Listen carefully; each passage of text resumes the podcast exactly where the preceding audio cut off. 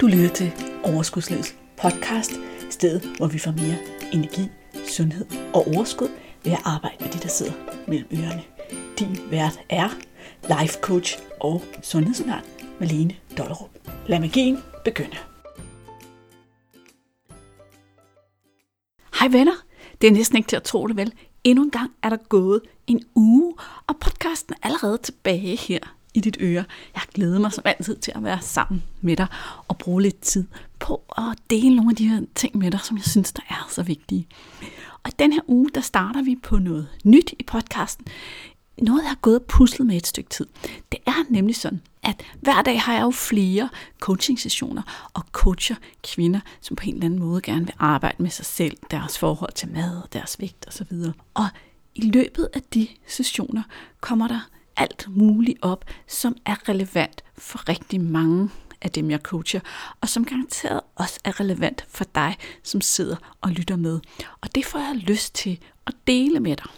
Jeg kan selvfølgelig ikke optage det, der sker i sessionerne og dele med dig, fordi det er jo et fortroligt rum, hvor du skal kunne arbejde med dig selv og det, der sker inde i hovedet, uden at tænke over, om nogen får det at vide. Så jeg deler små bidder med dig i sådan anonym form, som gør, at du kan få glæde af det her koncept, vi nu har snakket om. Og nogle gange vil det være meget mindset-agtigt, og andre gange vil det være mere på den praktiske side.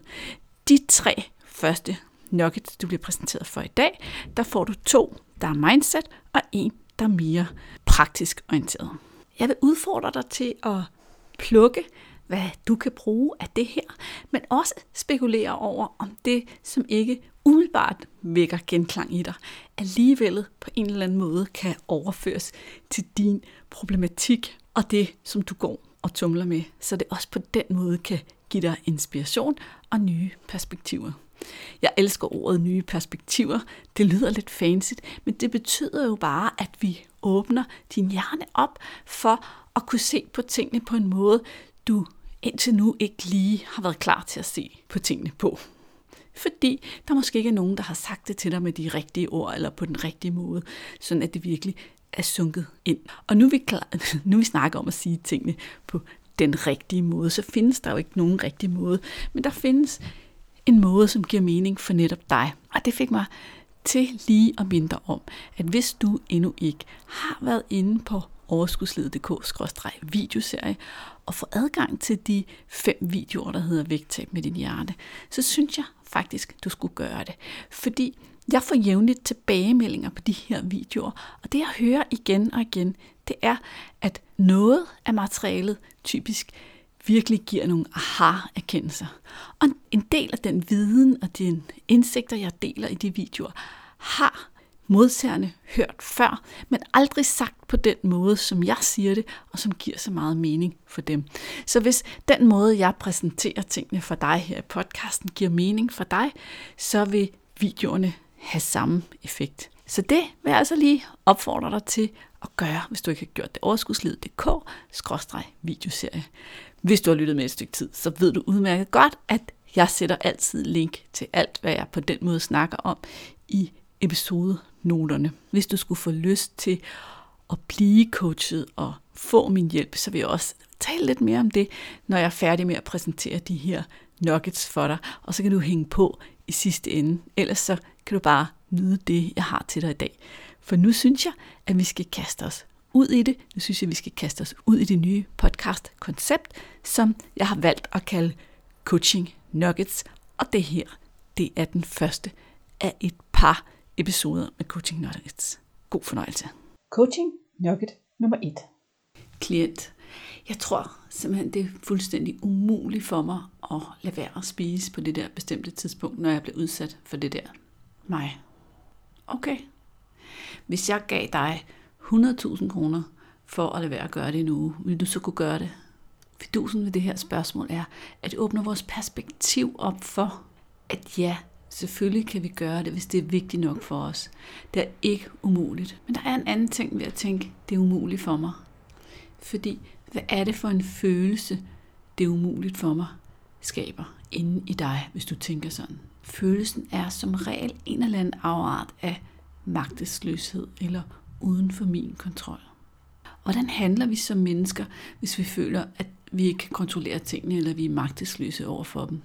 Vi lader være at prøve. Vi lader simpelthen være overhovedet at prøve, for hvorfor skulle vi det, når det ikke er inden for vores kontrol? Og hvad er resultatet af sådan en handling? Det er jo, at alt er, som det plejer. Vi kan ikke lade være. Vi har bevist vores egne tanker. Derfor er det så super vigtigt at være opmærksom på, hvad er det egentlig, jeg tænker, og er det sandt, det jeg tænker? Og den her, det her helt lille simple spørgsmål, hvis du fik en million kroner for det, ville du så kunne gøre det? En, en, en afart af det er det her med at lade være at spise, fordi for nogle mennesker er det nærmest helt utænkeligt, at de kan lade være at spise, eller de kan tillade sig selv at være sultne i så så mange timer. Men hvis du vidste, at du skulle opereres i hjertet, og det kunne sikre din overlevelse, og for at få den operation, så var du tvunget til at faste i 24 eller 28 timer, for ellers ville det ikke garantere for din sikkerhed. Så det var et must. Så ville du også kunne faste i 48 timer. Så vi tror tit, at den sandhed, eller den historie, vi fortæller os selv inde i hovedet, den er sandhed. Men det er den ikke. Den hæmmer os i at øve os i det, vi gerne vil. Og arbejde hen imod det, vi gerne vil. Og nogle gange så gælder det om at se den slags ting, den slags udfordringer, hvor, hvor vi for eksempel vil holde op med at spise om eftermiddagen eller om aftenen, eller hvad det nu er, som føles helt utroligt umuligt. Og se det som et eksperiment. Men hvad sker der, hvis jeg prøver en uge? Hvordan har jeg det? Hvad oplever jeg? Hvad føler jeg? Coaching nugget nummer to. I dag havde jeg en lille snak med en klient om at føle sig god nok og være bekymret for at gøre det forkerte. Det er et emne, som rigtig tit kommer op en eller flere gange i løbet af et coachingforløb. Og det er klart, det gør det, det her med at føle sig god nok, er et grundvilkår for mennesket som helhed. For nogle fylder det bare rigtig meget, og for nogle er det hæmmende i forhold til deres ønsker og deres livskvalitet, når de holder sig tilbage og ikke får gjort de ting, de gerne vil. Og når man har det sådan, så er det utrolig vigtigt at begynde at arbejde med at finde ud af, hvad skal der til, før at jeg bliver lidt mere sikker på, at jeg er god nok, som jeg er, og de ting, jeg gør, er gode nok. Og det vi blandt andet snakkede om i dag, det var den her frygt for at gøre det forkert. Og den her frygt for, at hvis nogle andre mennesker gav udtryk for, at man har gjort det forkert, så kan man blive utrolig påvirket af det. Påvirket fordi, at man går summer og grubler over, hvad, hvor, hvorfor gør jeg nu også det? Hvorfor gør jeg også det forkert? Hvordan kunne jeg gøre det? Det må være helt forkert. Nu er jeg forkert på den igen. Kritiserer sig selv, bebrejder sig selv, er på, den, på modpartens hold, om så må sige, i forhold til, om det, man har gjort, er forkert eller ej. Men hør her, det her det er rigtig vigtigt at forstå. Det er fuldstændig umuligt at gøre alting rigtigt. Og det er det, fordi vi hver især har vores verdensbillede af, hvad der er rigtigt at gøre. Så du kan gå ned i Føtex og handle ind, og i disse coronatider, der vil der være nogen, som synes, vi alle sammen bør bære mundbind, og synes, at du gør det forkert nede i Føtex, hvis du ikke har mundbind på. Der vil være nogen, som synes, at det er meget, meget vigtigt at overholde afstanden, og derfor synes, at du gør det forkert, hvis du ikke overholder afstanden. Der vil også være nogle af dem, der handler nede i Føtex, der synes, at det er noget pjat, og du er hysterisk, og du gør det forkert, hvis du går og holder afstand, eller hvis du går rundt med mundbind på. Det vil sige, at det er fuldstændig umuligt at gøre det rigtigt i alles øjne, den dag du går ned i Føtex og handler. Og den her præmis, den gælder alle andre steder også. Den gælder, når du går ned ad vejen, når du går over gaden, når du snakker med andre mennesker, når du taler med andre mennesker. Og det er fordi, at vi hver især har et billede af, hvad der er rigtigt og forkert, som er præget af, hvad vi bliver påvirket af gennem vores liv, blandt andet, og hvilken værdier vi har, hvilken personlighed vi har. Så den eneste måde at håndtere det her med, om jeg gør noget rigtigt eller forkert, det er at finde svaret i dig selv. Det eneste rigtige, det er det, du synes er rigtigt. Og så vide med dig selv, at jeg har besluttet, det her er rigtigt, og jeg ved, at der kommer nogle, til at være nogle mennesker, som synes, at det er forkert, og det er jeg okay med. Fordi under ingen omstændigheder kan hele verden være enige med mig. Prøv at høre her. Jeg tænker et helt ekstremt eksempel. Du tænker, at det ikke er i orden at være pædofil. En gang her er hele verden med dig. Er du klar over det? Der er nogen, der synes, det er i orden. Der er nogen, der er pædofile og synes, det er i orden. Der er nogen, der lever af at tjene penge på, og så vi ser dem, som er pædofile. De synes, det er i orden. Der er aldrig nogensinde et øjeblik i verden, hvor du kan være god nok og gøre alting rigtigt, hvis det skal være udefra kommende meninger og bedømmelser, der bestemmer, om du gør tingene rigtigt eller forkert. Og derfor er hele sagen om, hvorvidt vi er gode nok, i virkeligheden også spildte kræfter at bruge krudt på. Fordi det er jo slet ikke det, det handler om. Men hvorfor er vi mennesker så så optaget af det? Hvorfor fylder det så så meget hos os? Det, det gør det jo, fordi vi grundlæggende er designet til at ønske os at prioritere at være en del af flokken. Fordi i gamle dage i urtiden, der var det med til at sikre vores overlevelse, at vi var en del af en flok. Så det er meget skræmmende for et menneske at stå med en potentiel risiko for at blive udelukket af flokken. Og derfor så vil vi også gerne gøre tingene rigtigt og være gode nok, så vi er sikre på, at vi kan være en del af flokken. Men hvis du kan tage de briller med dig, der handler om, at, der, at flokken ikke er hele verden og alle de mennesker, du møder, så kan du være mere okay med, at nogen synes, at det du gør er forkert, selvom du har valgt at synes det er rigtigt, og nogen synes, at det du gør ikke er godt nok, selvom du synes, at det du gør er godt nok. Og der er en universel lov, der siger, at et hvert menneske gør det bedste, de kan med de ressourcer, de har. Og det gælder også dig. Det gælder også dig. Det vil sige, at gjorde du noget, som du sidder nu og tænker, det var dumt, jeg burde have gjort det anderledes. Så have lidt medfølelse med dig selv. Tænk på, at du gjorde det bedste, du kunne med de ressourcer, du havde dengang. Det betyder ikke, at du ikke kan gøre det anderledes næste gang. Hvis det giver mening for dig at gøre det anderledes. Hvis det perspektiv, andre mennesker har givet dig, betyder, at du synes, at nu er det rigtige at gøre, eller god nok, noget andet, end du synes, det var engang, så er du fuldstændig velkommen til at skifte perspektivet. Men bare husk på, at dengang du gjorde det, der gjorde du det, fordi det var det bedste, du kunne med de ressourcer, du havde. Coaching nugget nummer 3. I dag har jeg haft en session, hvor vi har talt om det her med at få en trang, og hvordan det, at hjernen sender signalet trang til dig, er en vane, der rigtig tit bliver trigget af et eller andet. Det er så normalt, at det hænger sådan sammen. Der er noget, der trigger os.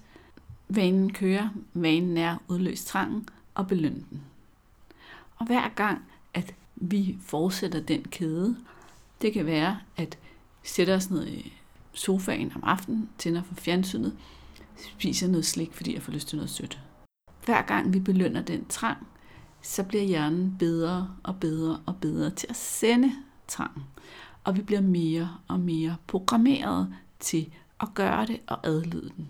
Så hvis vi ønsker at lave om på den her vane, så er det altså ikke nok bare at beslutte os for, nu vil jeg lave den om, nu vil jeg rejse mig op og gå en tur hver dag efter aftensmaden. Vi skal også være forberedt på, at hjernen, den kan godt lide at gøre, som den plejer. Det vil sige, at den vil sende trangen igen og igen og igen, selvom at du ikke reagerer på den til at starte med. Og jo mere du undertrykker og ignorerer den trang, jo mere insisterende vil den være. Så det handler altså også om, når vi skal afprogrammere vores hjerne, og være villige til at møde den trang, og vide, at den kommer i et stykke tid, og at en vane ikke bare ændrer sig fra den ene dag til den anden, fordi at vi tager en beslutning om at rejse os op og gå en tur, når en helt stor del af din urhjerne synes det er absolut fantastisk at blive siddende i den sofa. Fordi nede i den sofa, der får du nydelse af, i form af afslappning og dejlig lille dopaminfix fra sukkeret og fjernsynet, der bare ruller ind med underholdning. Du undgår smerte, du skal ikke lave noget anstrengende, du skal ikke rejse dig op, du skal ikke gøre, lave om på noget. Og du, din hjerne sparer energi, fordi den gør, som den plejer. Og hjerner elsker at spare energi, fordi de skal klare rigtig mange ting på en gang. Så gør, som du plejer, altså en vane, det kan den godt lide. Derfor er det ofte en lidt hårdere nød at knække, end vi sådan umiddelbart tror, når vi ser det udefra, det her med at ændre på sådan en vane. Men et lille skridt på vejen, eller en lille krykke på vejen, er i hvert fald at vide, hvad det er, der foregår, og hvordan det her med trang hænger sammen. Jeg gør ofte det for mine klienter, at jeg deler en historie om, hvordan hele den her programmering hænger sammen, og hvordan vi kan afprogrammere den igen. Og så sender jeg den faktisk på en lydfil, fordi det kan være rigtig godt nogle gange, når vi skal lære noget og høre det flere gange. Jeg ved ikke med dig, men nogle gange så lytter jeg til en podcast, hvor jeg synes noget er rigtig interessant. Og så hører jeg den faktisk en gang til, for virkelig at komme i dybden og komme flere lag ned i forståelsen af noget. Coaching Nugget nummer 4. Hej, i dag der har jeg haft en session, hvor vi har snakket om vand og sult, og det her med at lære sig selv at drikke noget mere vand. For nogle mennesker er det ganske nemt, og for andre mennesker er det noget sværere i virkeligheden at føle deres tørst. Men det er jo sådan, at kroppen har et behov for væske. Og hvis vi ikke opfylder det behov, hvis vi bare kører den ned med kaffe hele dagen, så sker der det, at kroppen på et tidspunkt begynder at sende sultsignaler i stedet for, fordi du ikke har opfyldt dit væskebehov, og så på den måde, så kan du faktisk skabe din egen overspisning, altså ikke overspisning i den forstand, at du sidder i et hjørne og spiser, til du får ondt i maven, men bare overspisning i den forstand, at du spiser mere, end du har brug for. Så derfor så, så simpelt som det end lyder, så er vand faktisk en rigtig, rigtig vigtig faktor, når du gerne vil passe på din krop og have det godt i din krop og skabe et vægttab, men også bagefter. Altid. Også fordi, at manglen på vand stjæler vores energi. Vi bliver simpelthen mere trætte og tænker mere ufokuseret. Og hvad er det, der sker, når du bliver træt og ukoncentreret? Du får lyst til sukker. Så igen, vand, vand, vand. I virkeligheden, så kan man sige, hvis du er i tvivl om du er sulten, og du virkelig ikke kan finde ud af at mærke det, så kan du starte med at drikke en halv liter vand, og så vente 10 minutter. Og hvis du stadigvæk føler dig sulten, så er du nok sulten. Og hvis du ikke føler dig sulten, jamen så var det nok mere, fordi du er tørstig. Så det var et lille tip. Men en andet tip med det her vand, hvis det er, at du har svært ved at mærke din tørst, og få drukket det her vand af den ene eller den anden årsag, det er at skabe vaner ud af det. For som jeg siger så tit, så elsker vores hjerne vaner, fordi så kan den spare energi. Og det er nemt for dig, fordi du skal ikke gå og tænke på det. Og den nemmeste måde, at du laver en vane på, eller etablerer en vane, det er at knytte den op på en eksisterende vane. Det vil sige, det kan være ret svært at sige til sig selv, når man øh, hver dag kl. 10, der skal drikke en halv liter vand. Fordi du har ikke noget kørende på det tidspunkt i forvejen. Du sidder bare og arbejder, det gjorde du også kl. kvart i 10 og kl. kvart over 10, lad os sige det. Men hvis du siger til dig selv, hver morgen, når jeg står op og tænder for kaffemaskinen eller elkogeren, så hælder jeg vand op i et glas og drikker det, mens kaffen løber igennem. Så er du i gang med at knytte en vane op på en eksisterende vane. Det kunne også være, hver dag, når jeg kommer hjem og går i gang med at lave mad, så hælder jeg et glas vand op og drikker det, mens jeg laver mad. En vane op på en eksisterende vane. Jeg havde også en klient på et tidspunkt, som ikke var så god til at få drukket om eftermiddagen, men som var lidt for god til at sidde og spise søde sager i bilen på vej hjem, hvor hun også var træt og havde det varmt. Så snakkede vi der, jamen så handler det jo om at få en flaske koldt vand med ud i bilen og drikke den, mens du kører igen. Du har allerede nogle vaner omkring, nu tager jeg mit tøj på, jeg finder min nøgle, jeg går ud til bilen, jeg sætter nøglen i. Det er alt sammen vane, vane, vane, vane. Og så sætter jeg den der dunk med vand ved siden af mig, som jeg skal drikke på vej hjem i bilen. En vane knyttet op på en anden vane. Og nogle gange, når vi skal i gang med det her, så kan det være en god idé at tage et skridt ad gangen. Vælg et sted, du vil sætte ind ved godt, at du måske gerne vil op på at drikke to liter vand, og det skal være det hele. Men nogle gange er det bedre at få det til at blive til en vane, at få drukket vand om morgenen, end det er at prøve at få det hele til at blive til en vane, og så gøre det så vanskeligt, at det faktisk glider ud i sandet efter en uge eller to. En af de yndlingsvaner, jeg elsker at dele med jer, det er den her med, at når jeg står op om morgenen, så er det første, jeg gør faktisk når jeg kommer ned i køkkenet, det er at hælde vand op og drikke det her glas vand. Og lige siden min coachuddannelse for fem år siden, har jeg faktisk været ret emsig med at få drukket det her vand. Fordi den ene af mine undervisere, han fortalte mig, at det der sker, når vi står op om morgenen, det er, hvis vi står op om morgenen og bare drikker kaffe og te, og så går ud i verden, så har vi virkelig dårlige ånde. Også selvom vi har børstet tænder. Det er noget med alt det, der er sket i munden og svælget og alt det her i løbet af natten. Så for at være sikker på, at jeg ikke går ud i verden hver dag med dårlig ånde, bare fordi jeg ikke har givet at drikke et glas vand, så har jeg prioriteret det rigtig højt. Men udover det, så er der jo en masse sundhedsmæssige fordele ved det for kroppen har brug for at blive hydreret efter mange timer uden vand, og det er et rigtig godt tidspunkt at drikke vand, fordi jo mere du hælder på om formiddagen, så kan du skrue ned om eftermiddagen, så du ikke skal tisse om natten og alt det her. Men den her, det var lige den, der gjorde forskellen for mig, for hvor MC jeg egentlig blev med at prioritere min morgenvand. Det var så de fire første nuggets, jeg havde til dig, og der kommer flere i næste uge, som også er mindset-baseret. Det, jeg mest arbejder med i coaching, det er jo mindset. Og derfor er det ikke så tit, at jeg direkte coacher på noget, som den sidste nok, du hørte med vand. Men ikke desto mindre, så er det værd at arbejde med sådan nogle ting også, hvis det er, at det faktisk ikke virker for dig. Fordi det er det, jeg kalder basen. Det er det, jeg præsenterer i de første af mine fem videoer om vægttab med din hjerne. Det er, at din base skal være i orden for, at din krop vil samarbejde med dig. Og det betyder også, at selvom vand lyder simpelt og banalt, så er det jo et reelt problem for din vægttabsproces, hvis det her med vandet ikke virker, og så er det også værd at bruge tid på.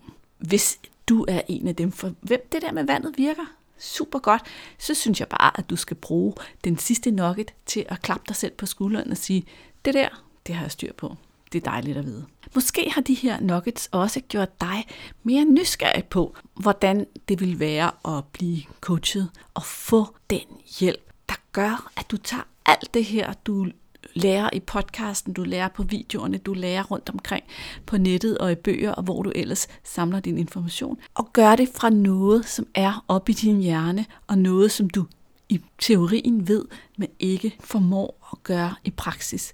Det er jo det, som coaching er så eminent til at hjælpe dig med, at få tingene til at virke i praksis. Så er du klar til at gå fra at tage alt det, du har op i hovedet, til at få det til at ske, til at skabe ændringer, til ikke længere at bruge så meget energi på at tænke på mad og på vægt og på, hvordan du hele tiden skal få tingene til at fungere, men at få din energi tilbage til at leve livet og få din figur tilbage. Kom derhen, hvor du drømmer om at være og se ud i tøjet, som du drømmer om, at tøjet skal sidde på dig og have den selvsikkerhed. Er du der, hvor du synes, at nu har du brugt timer, dage, uger, år nok af dit liv på at tænke på mad, lægge planer for mad, lave aftaler med dig selv om, hvad du skulle spise, hvad du ikke skulle spise, hvordan du skulle træne, hvad den vægt du skulle ned på.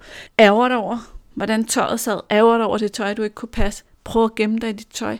Vær utilfreds med dig selv. Bank dig selv oven i hovedet. Overspis og alt det her. Og klar til, at nu skal det være anderledes. Nu vil du gerne have din frihed. Nu vil du gerne have et afslappet, sundt, naturligt forhold til mad, som gør, at du ikke skal tænke på mad hele tiden. Man kan bruge din energi på alt muligt andet, og som gør, at vægten lige så stille finder tilbage til den naturlige vægt, hvor du føler dig godt tilpas og har noget tøj, som sidder på dig, så du får lyst til at gå ud i verden og være dig og vise dig selv frem i verden. Så er det oplagt at få hjælp af mig via mit tilbud om at være en del af coachingprogrammet en gang for alle. Det hedder jo en gang for alle, fordi vi skaber den her forandring for dig en gang for alle, så du ikke skal bruge tid på det i overvis, men kan bruge de næste 10, 20, 30 år af dit liv på at leve livet og koncentrere dig om alt det dejlige, der i virkeligheden er til dig i livet. Det er et halvt år, hvor vi to og de andre medlemmer i den her lille, intime gruppe coacher dig, hjælper dig, støtter dig, hæpper på dig, samler dig op og stopper dig, når der er brug for det, hen mod dit mål, så du kan nå derhen, hvor du får friheden tilbage. En gang for alle er en gruppe, hvor vi mødes en gang om ugen online, men også har hinandens ryg, hæpper på hinanden, støtter hinanden, inspirerer hinanden, samler hinanden op hele ugen, hver dag, hver time, fordi vi også har en måde, vi kan snakke sammen i en lukket gruppe, hvor der er fortrolighed og kærlighed og tryghed og fællesskab og sammenhold, som alt sammen er elementer, som er uvurderlig støtte, når den her forandring skal skabes for dig. Du kan få min hjælp. Du kan få alt det her nu. Næste hold starter tirsdag 15. september. Der er coaching hver tirsdag eftermiddag det næste halve år. Så du lytter med ude i fremtiden, så må du hoppe ind på overskudslivet.dk en gang for alle og finde ud af, hvornår det næste hold starter. Men sidder du og lytter med nu, så er der ingen grund til at vente, for du kan få hjælp nu. Du kan komme ud af alt det, du sidder i nu, og komme et sted hen, hvor det er sjovere at være. Men sidder du og lytter med nu, så er der altså ingen grund til at vente. Vores hjerne har det med at sige, det gør jeg senere, jeg hopper med på et senere forhold, ikke lige nu, jeg gør noget ved problemet på et andet tidspunkt. Og det er fordi vores hjerner elsker at holde os, hvor vi er. Det er trygt, og det er sikkert, og det her, det kender vi. Også selvom det er ubehageligt, også selvom det er anstrengende at bruge så meget energi på at stå op hver morgen og lave aftaler med sig selv og beslutte sig for, hvad man skal spise og ikke skal spise. Og så være ked af det og skuffet over sig selv hver dag, når man ikke overholder den aftale, man har med sig selv. Og stå der på vægten og være ked af, hvad vægten viser, og være ked af, hvordan man ser ud, når man har tøjet på, så er det det, din hjerne kender. Og det er faktisk der, den forsøger at holde dig, med mindre du bevidst beslutter, at det skal være anderledes. Så der bliver ikke nogen forandring, før du bevidst træffer en beslutning om, at nu er det bedste tidspunkt. For nu er det kun det næste bedste tidspunkt. I går, i sidste år, før det var det allerbedste tidspunkt, men det er allerede forpasset. Og vælger du at vente et halvt år, så er tidspunktet heller ikke så godt som nu. Nogle gange, når jeg personligt har trukket det med at træffe en beslutning, og så endelig har taget min beslutning og kommet i gang, så har jeg altid siddet med den her følelse bagefter. Hvorfor var du så lang tid om at beslutte det? Hvorfor var du så lang tid om at gøre det, Malene? Hvorfor skulle du trække dig selv igennem al den mentale smerte, i stedet for bare at handle på det og gøre noget ved det og få den forandring, du ønskede dig? Og derfor er jeg også blevet meget bedre til at træffe beslutninger. Derfor er jeg blevet meget bedre til at sige, ja, det vil jeg, eller ja, det vil jeg ikke, og ikke blive ved med at gå og underholde tanken frem og tilbage, frem og tilbage, frem og tilbage, fordi det er fantastisk, når først jeg har besluttet mig, og så kan jeg gå all in på at få den hjælp, jeg har brug for. Det er også det, jeg tilbyder dig. Få den hjælp, du har brug for.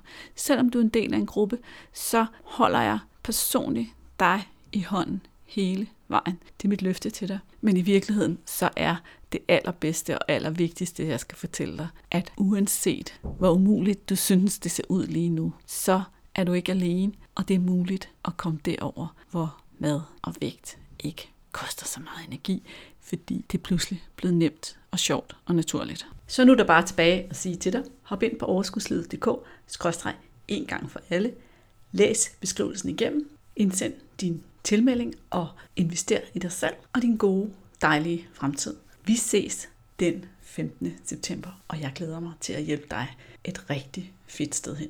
Hey, inden du løber, glem ikke at abonnere på podcasten, så du ikke går glip af en eneste episode. Og skulle du have fingre i den gratis videotræningsserie Vægtab med din hjerne, så smut ind på overskudslid.dk videoserie, så lander den første video i din indbakke i dag.